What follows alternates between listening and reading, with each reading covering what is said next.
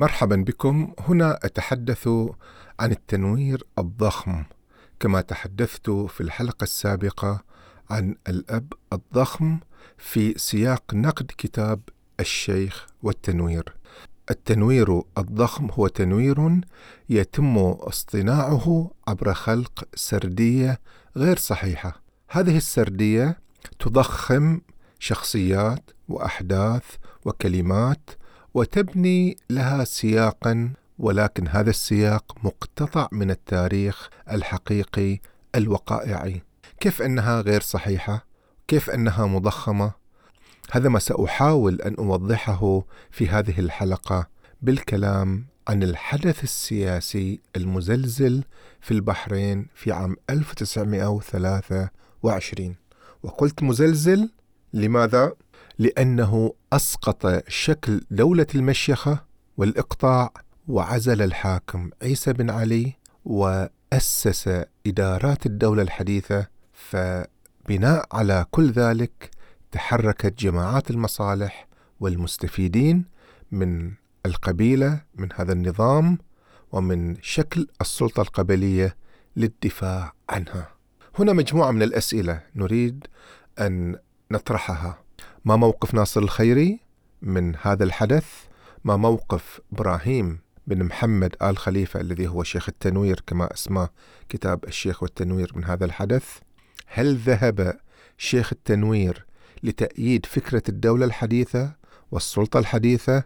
مشيخة ونظام عيسى بن علي الإقطاعي في ذلك الوقت. سأعرض مقتطفا من كتاب الشيخ والتنوير. ينقل فيه رواية بشكل يبدو فيه أنه يتبنى هذه الرواية. تقول الرواية أن ناصر الخيري بعد أن قرأ خطاب نوكس في مايو 1923 مرض بعد ذلك مرضا شديدا متأثرا بما جاء في الخطاب وقال إن أيادي الشيخ عيسى بن علي علينا كثيرة ولم أكن أتوقع أن أقوم بما قمت به.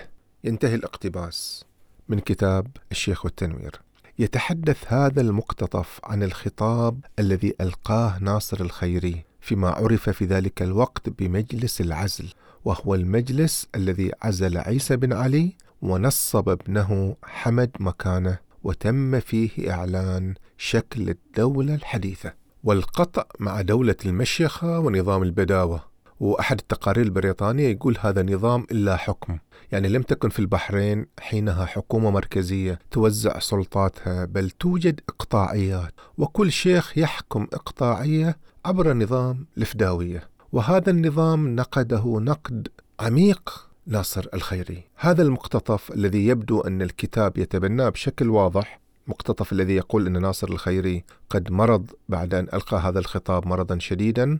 يعني يصور كأن ناصر لم يكن مقتنع بما جاء فيه وكأنه كان مكرها بوقوفه في هذا الموقف وقراءة هذا الخطاب التاريخي الذي لا يرمي فقط إلى عزل عيسى بن علي ليس هو الم... ليس الموضوع فقط عزل عيسى بن علي بل هو تدشين شكل الدولة الحديثة. لماذا تبنى كتاب الشيخ والتنوير؟ رواية أن ناصر الخيري ندم ومرض ومات. لماذا هو تبنى هذه النظرية وهذه الرواية؟ وراء ذلك سبب وجيه. الرواية الرسمية لا تريد أن تعترف بعزل عيسى بن علي وهو يريد أن يقدم لنا الرواية الرسمية. لذلك حينما نذهب إلى المدونات الرسمية لا يقولون لنا أنه تم عزل عيسى بن علي ولا أن ابنه حمد بن عيسى تولى الحكم في هذا العام عام 23 بل تقول الرواية أنه تولى الحكم في عام 32 وهو العام الذي توفي فيه عيسى بن علي لماذا؟ لأن هذه العقلية لا تقبل أن تتنازل أو أن يتنازل الحاكم أو أن يعزل حتى يموت بالتالي موقف ناصر الخيري في كتاب الشيخ والتنوير يراد له أن يظهر بمظهر الكاتب والمثقف الذي يسير في ركب السلطة وإن ما فعله كان مضطرا إليه لأن كان موظف في الوكالة البريطانية أي موظف لدى المستعمر لا أنه مثقف لديه موقف نقدي حر من شكل الدولة وسلطة الدولة هل هذا كلام صحيح؟ هل ناصر الخيري كان كذلك فعلا؟ دعونا نذهب إلى ناصر الخيري ونقرأ الكتاب لنعرف موقفه وفي المقابل نريد أن نعرف موقف أيضا من أسماه الكتاب شيخ التنوير إبراهيم بن محمد آل خليفة جد مي محمد آل خليفة. يتوجه ناصر الخيري بتقريع شديد لما أسماه سلوك صاحب المسند. المسند هنا بمعنى مسند, مسند الحكم في وقوفه إلى جانب فريق النجادة ومجاملته لهم. النجادة لهم النجديين في ذلك الوقت يعني التجار والجالية التي أصولها من نجد. هذا الموقف الناقد يعبر عنه على هذا النحو. يقول وهنا أنا أقتبس. وما ذلك إلا بسبب مجاملة حكومة الشيخ عيسى لفرقة النجادة النجديين يعني. مجاملة توجب لوم صاحب المسند له الحاكم. يعني يقول أن موقف حكومة عيسى بن علي تستوجب النقد واللوم وتسبب الطعن في نظرياته غير الصائبة إذ ليس من شأن الحاكم أن يجامل فريقا دون آخر. إلى حد أن يقف مكتوف اليدين أمام ما يتخذه الفريق من الإجراءات العدوانية ضد الآخرين. مع تيقنه أن تلك الإجراءات سوف تنتج نتائج وخيمة جدا أقلها سفك الدماء والعبث بالأمنية أي الأمن العمومية التي هي من أول مسؤوليات الحاكم. في الحقيقة هناك فقرات كثيرة مهمة في كتاب ناصر تدحض فكرة أنه ندم ومرض ومات. لكن هذه الفقرة مهمة. لماذا؟ لأن هناك حدث وقع. خلاف بين تجار النجادة وبين تجار العجم على خلفية حادث صغير سرق فيه خادم ساعة يد وباعها في السوق. لكن ذا الحادث تطور تطور رهيب ولأنه آه، كان مسبوقا بحوادث أيضا أخرى. الأمور كانت محتقنة في ذلك الوقت لأسباب سياسية كثيرة. ارتفعت وتيرة وقائع هذا الخلاف. وتسببت في حدوث مشاجرات كبيرة في المنامة وانعكست على كل البحرين. كان هذا الخلاف والأحداث التي حدثت معه بمثابة القشة التي قصمت ظهر البعير بعير عيسى بن علي. بعد هذا الخلاف أصبح موضوع التحول نحو الدولة المدنية مهما جدا. لماذا؟ لأن بريطانيا تريد أن يسود النظام. لماذا تريد بريطانيا أن يسود النظام؟ لأنها تريد أن تمنع أي دولة أخرى من التدخل في البحرين بحجة حماية رعاياها. إذا هناك نظام سيحمي هذا النظام الرعاية. وإذا لم يكن هناك نظام ستأتي كل دولة لتتدخل وتحمي رعاياها. بمعنى أن مصالح بريطانيا تتطلب أن يسود النظام. وسيادة النظام يعني أن يكون هناك نظام يعرف هذا النظام من هو البحريني ومن هو غير البحريني ويكون هناك محاكم وعدالة جنائية وإدارات دولة حديثة. هذا هو النظام الذي سعى ناصر الخيري لدعمه والوقوف إلى جانبه. حين نأتي إلى تحليل موقف ناصر الخيري من فكرة دعم الحاكم للنجادة نجده يحمل حقيقة مهمة وهي أنه وقف ضد الحزب المناصر لعيسى بن علي. وهذا يعبر عن موقفه من طبيعة الحكم. فليس صحيحا أبدا أن نقول أن ناصر الخيري ندم أو أنه كان مترددا أو مرض أو أنه مات لأنه قدم خطابا لا يتسق مع موقفه التاريخي. أبدا ليس صحيح ذلك. وناصر الخيري يروي لنا أيضا جانبا من مجلس العزل. وأنا هنا أقتبس من آه، كتابه.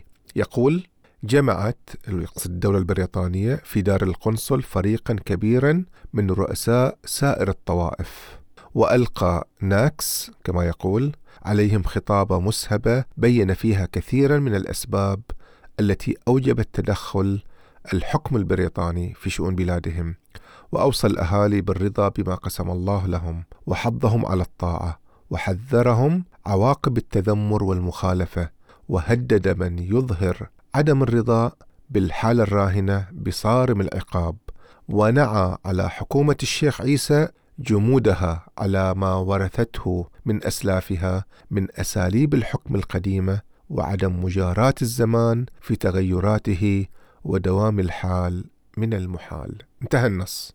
لاحظوا رواية الخيري لا شيء فيها يعبر عن ندمه أو شعوره بالامتنان لحكم عيسى بن علي خصوصا الجملة الأخيرة يقول ونعى على حكومة الشيخ عيسى جمودها على ما ورثته من أسلافها. يعني ناصر الخيري يرويها بلسان المتبني لها. كما يروي الشيخ والتنوير رواية الندم والشعور بالذنب والموت بلسان المتبني. اسمحوا لي هنا أستحضر رواية المحيط الإنجليزي الكاتب الراحل فريد رمضان. الفصل الخامس كان تحت عنوان جزر الخوف. هذا الجزء يتحدث عن البحرين. هذه التسمية فعلا كانت تليق بالبحرين في ذلك الوقت. هذا الفصل يحدثنا عن التاجر عبد العزيز النجدي. هذا أجبر يوسف على الزواج من جوهرة العبدة الحبشية. لماذا؟ لأن هذا التاجر حملها. فأراد من يوسف أن يحمل اسم هذا الولد ويتحمل مسؤوليته. وبعدين يدخل هذا العبد في قصة معقدة تنتهي بأن يضرب ويلقى به مع عائلته دون كرامة ودون قانون. كان ذلك هو وضع الناس الذين لا تحميهم قبيلة ولا دولة ذات سياده في البحرين. جاء قانون الدولة المدنية في عام 1923 ليضع حدا لهذه الانتهاكات التي كانت سائدة في عهد عيسى بن علي. التحول لنظام الدولة المدنية كان يعني رفع الظلم عن هؤلاء الناس والرعايا. ناصر الخيري كان يدعم هذه الإصلاحات التي تحمي الناس الذين لا حامي لهم ولا ظهر لهم أو قبيلة أو شيخ لهم. كان هذا هو موقف ناصر الخيري، فهل نجد ذلك في كتاب الشيخ والتنوير؟ لا نجد ذلك ابدا. الكتاب لا يضيء لنا هذا الجانب، لا يوضح لنا كيف كان نظام الحكم في البحرين، كيف هو موقف المثقف في ذلك الوقت؟ كيف هو موقف شيخ التنوير إبراهيم بن محمد آل خليفة؟ ما موقفه من شكل هذه الدولة من نظام المشيخة والإقطاع من التمييز وفرض الضرائب حسب العرق والطائفة؟ هذا ما سنحاول أن نتعرف عليه أكثر. هناك رسالة كتبها شيخ إبراهيم في عام 1923 توجه بها إلى الشيخ محمد رشيد رضا صاحب مجلة المنار. من هو الشيخ محمد رشيد رضا؟ هو شخصية سلفية إصلاحية. كانت تريد النهوض بالعالم الإسلامي ولكن من منظور سلفي وهذا التوصيف ليس توصيفي إنما توصيف المختصين في هذه المرحلة. كذلك كتاب الشيخ والتنوير استعمل هذا التوصيف لنعت محمد رشيد رضا. لكن لا أعرف كيف يمكن أن يكون من يتواصل مع هذه المجلة. ذات التوجه السلفي كما يخبرنا الكتاب. ويقوم بدعمها ماديا ويرفع لها تقارير عن البحرين. كيف يمكن أن نقول أنه رجل تنوير وشيخ تنوير وهو يتجه إلى وجهة سلفية؟ هذا سؤال مهم ولكن لا نعثر على جواب له في الكتاب. يقول الشيخ إبراهيم في تقديم رسالته إلى صاحب مجلة المنار هكذا يفتتح الرسالة. بسم الله الرحمن الرحيم حجة الإسلام المصلح الإمام الأستاذ السيد محمد رشيد رضا صاحب المنار الإسلامي الأغر. حياه الله وأحياه ومتع المسلمين بطول بقائه. هذه المقدمة توضح تماما أننا أمام لغة مغايرة للغة التنوير. بل صاحبها أقرب للتوجه الإسلامي التقليدي. يمكنك أن تقول أن لديه توجه إصلاحي ربما لكن أن تلبسه جبة شيخ التنوير هذه اللغة لا تناسبه إطلاقا. نكاد لا نعثر في كتاب الشيخ والتنوير على مقولات أو خطابات أو مواقف للشيخ إبراهيم. تنير لنا هذه الشخصية.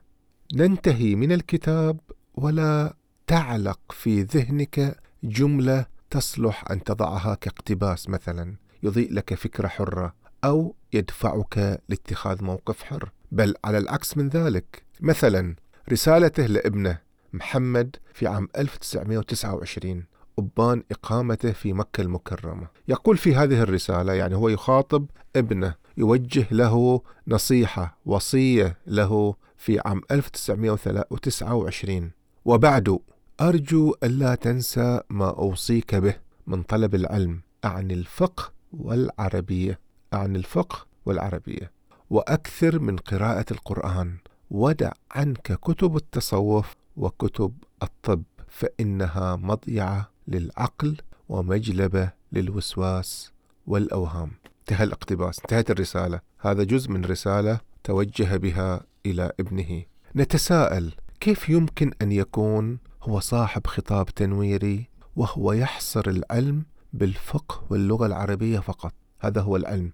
هذا ما قاله أوصيك بطلب العلم أعني وهكذا يفسر أعني الفقه والعربية. ويحذره من قراءة كتب الطب والتصوف. تحاول أن تفهم التكوين المعرفي وأين درس الشيخ إبراهيم. لا تجد أي معلومة توضح ذلك وتوضح هذه النشأة العلمية في كتاب الشيخ والتنوير. حين نذهب إلى الويكيبيديا نعثر على معلومة يتيمة مستلة من كتاب أبناء الشرق لإبراهيم كرديه لكنها دالة تقول هذه المعلومة وهنا أقتبس كان والده حاكم البلاد وعهد بتربيته إلى بعض علماء نجد.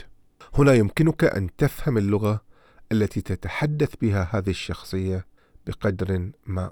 هو إذا تربى على مشايخ علماء نجد.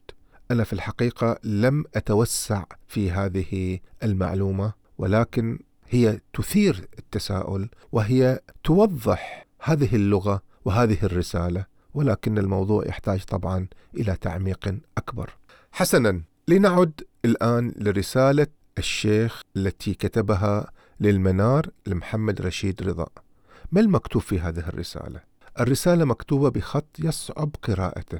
ولا أدري لماذا الكاتب أو المخرج تعمد وضع الصفحات الأربع لهذه الرسالة في صفحة واحدة في كتاب الشيخ والتنوير. يعني أربع صفحات طبعها في صفحة واحدة في الكتاب. صعب قراءتها. وهي بالمناسبة أيضا من أرشيف الشيخ مي آل خليفة. لماذا لم يتم وضع كل صفحة على حدة؟ أنا لا أعرف. ربما ما تحويه هذه الوثيقة كما أراه أنا هو إدانة للشيخ إبراهيم. أنا هكذا أجد. وجدت صعوبة كبيرة في قراءة الرسالة لكن هناك بعض الأسطر المهمة تمكنت من قراءتها وهي تكشف موقف الشيخ إبراهيم بوضوح من حدث 1923 ماذا يقول هذا السطر؟ يقول عن القنصلية البريطانية والوكيل البريطاني أنهم هنا اقتباس أنهم كانوا يهدفون إلى تهييج الشيعة الفلاحين رعايا الشيخ عيسى. انتهى الاقتباس. كانوا يهدفون إلى تهييج الشيعة الفلاحين رعايا الشيخ عيسى. ثم هناك كلمات يصعب قراءتها ويقول عن الشيعة المطالبين بالإصلاحات. هنا اقتباس قام أولئك المخدوعين بمظاهرة كبيرة في سوق المنامة ضد ملكهم الشيخ عيسى. قام أولئك المخدوعين بمظاهرة كبيرة في سوق المنامة ضد ملكهم الشيخ عيسى ثم يكمل الرسالة التي يصعب قراءتها. هو ينظر إلى الذين قاموا بهذه الإصلاحات هؤلاء مجرد فلاحين ومخدوعين وقاموا بمظاهرات في المنامة تحت تأثير هذا التهجيج وهذا التحريض الذي جاء به المستعمر. هذا هو الموقف الذي يعبر عنه الشيخ إبراهيم. لدي هنا وقفتان. الأولى واضح من هذا التوصيف أن الشيخ إبراهيم يتبنى نظرة الحاكم الشيخ عيسى بن علي. لذلك يسميه في هذه الرسالة ملكهم ويصفه هنا أقتبس الشخصية المحبوبة والأكبر سنا بين ملوك العرب.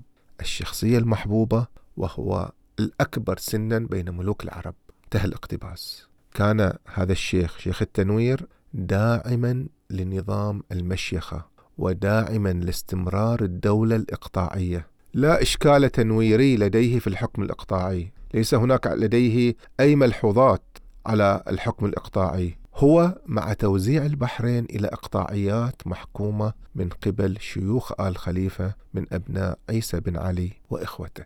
الوقفة الثانية حول هذه الرسالة. يبدو أنه كان يرى الشيعة بأنهم محض رعايا وفلاحين ومخدوعين. ليسوا أصحاب مطالب إصلاحية واضحة وليسوا أصحاب تاريخ وحضارة وأرض. وكأن ليس لديهم علماء أو شخصيات مثقفة أو شخصيات تجارية وليس لديهم أي شيء من ذلك. في حين تكشف لنا الوثائق أن العرائض التي وقعها الشيعة في ذلك الوقت كانت تحمل أسماء كبيرة بينها تجار شخصيات وطنية معروفة. ترى مستقبل البحرين في أن تتحول إلى شكل الدولة الحديثة. أستحضر هنا قامة وطنية مثل الحاج أحمد بن خميس. وهناك كتاب صدر عن مركز أوال يحمل قمر السنابس. هو عن هذه الشخصية. كان أحمد بن خميس شخصية وطنية دفع من ماله وثروته وأمنه في سبيل إقرار هذه الإصلاحات وتمت ملاحقته. شخصية أخرى مثل الشيخ عبد الله العرب. وهذه الشخصية تحدثت عنها في كتابي من هو البحريني وخصصت لها حلقتين بودكاست للحديث عن ما قدمته وما فعلته من أجل بناء فكرة الدولة الحديثة في عام 23 كان رجل علم ودين معروف دفع ماله من أجل إقرار هذه الإصلاحات. لقد أراد للبحرين أن تتجه لعصر الدولة المدنية. كيف نصف هؤلاء بأنهم مجرد فلاحين مخدوعين مغرر بهم مهيجين. ليس طبعا وصف الفلاح عيبا وتعلق البحرينيين بالفلاحة والنخلة والبحر هو جزء من حضارتهم واستقرارهم وتحضرهم ويعبر عن ابتعادهم عن عقلية البداوة التي كانت تتخذ من الترحال والسلب والهجوم والحرب وسيلة للمعيشة. هذا هو البحريني. فكيف تأتي يا شيخ التنوير وتصفهم بأنهم مجرد فلاحين مخدوعين.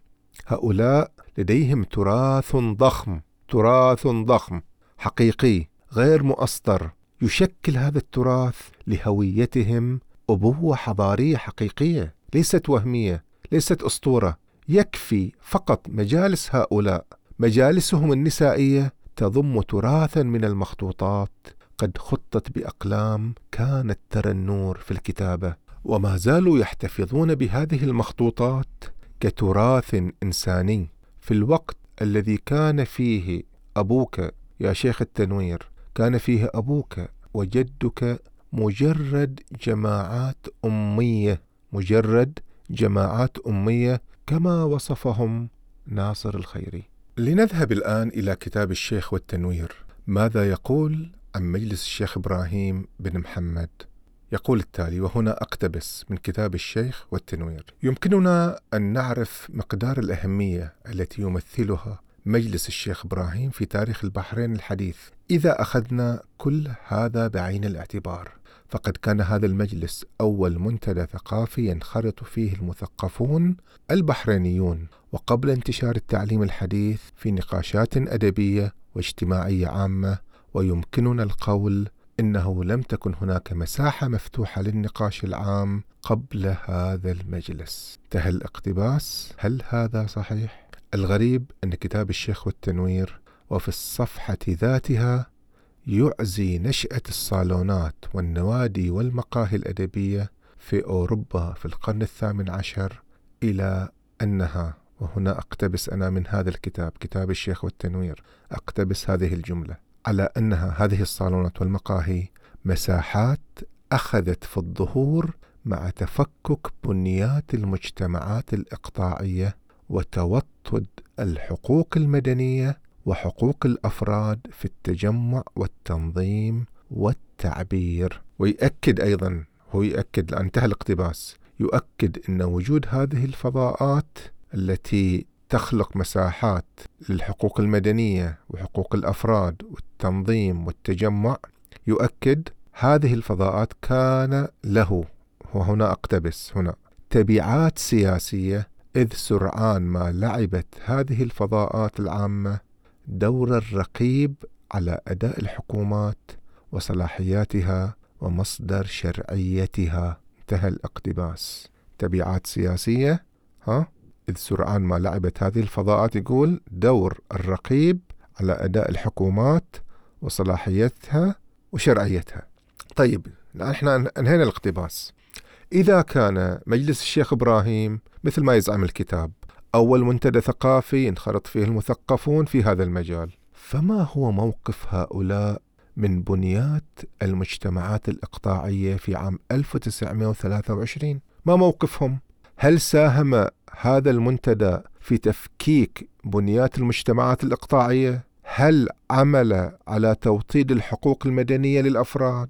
هل دافع عن حقهم في التجمع والتنظيم والتعبير؟ هل واجه تبعات سياسية؟ هل مارس دورا رقابيا على أداء الحكم أو حاول إصلاحه؟ أم أنه تماهى مع طبيعة هذا الحكم ودعم بنيته المشيخية القبلية الإقطاعية. هذه أسئلة مهمة. الرسالة التي قرأناها والتي بعثها شيخ هذا المنتدى إلى صاحب مجلة المنار ذات التوجهات الإصلاحية السلفية تعبر عن موقفه المناهض لحق الأفراد في التجمع والتنظيم والتعبير. تناهض بدل أن يدافع عن حق الناس الذين خرجوا في المظاهرة الكبيرة المطالبة بالإصلاح في سوق المنامة وصفهم بأنهم فلاحون مخدوعون. بالمقابل يعلن موقفه الداعم للإقطاع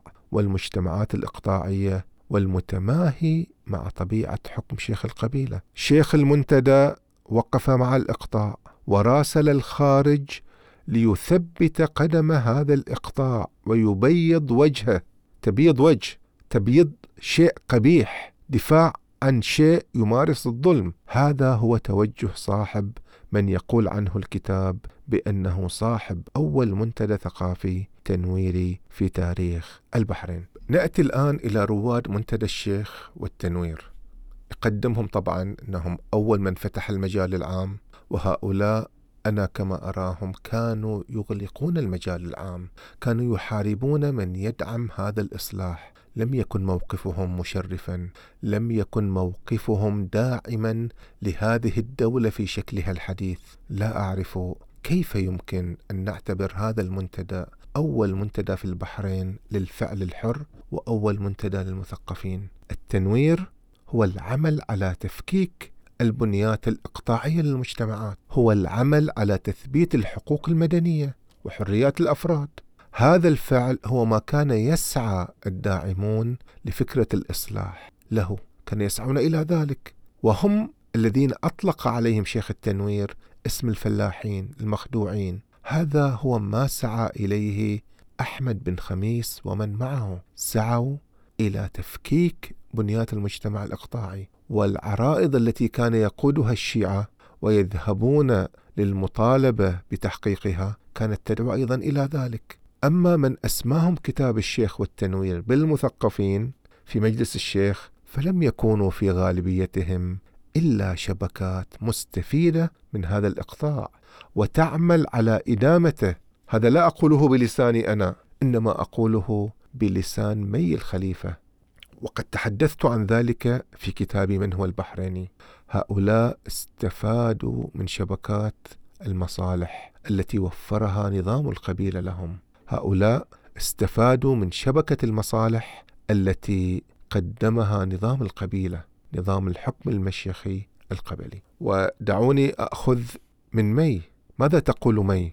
مي تقول كان رد المجلس التشريعي الذي يحلو للبعض تسميته بالحركة الوطنية أو الجهاد أو الثورة يأتي في معظم الأحيان من تفاعل اقتصادي نتيجة لمخاوف من ضياع ضياع الامتيازات التجارية والاقتصادية وحتى السلطوية. هذا كلام مي الخليفة في كتابها سبز آباد ورجال الدولة البهية صفحة 566 المجلس التشريعي أو الحركة الوطنية أو هؤلاء هم هذا هم رواد المجلس ومن أسماهم بالمثقفين في ذلك الوقت أو الرجال الوطنيين في ذلك الوقت. هؤلاء هم.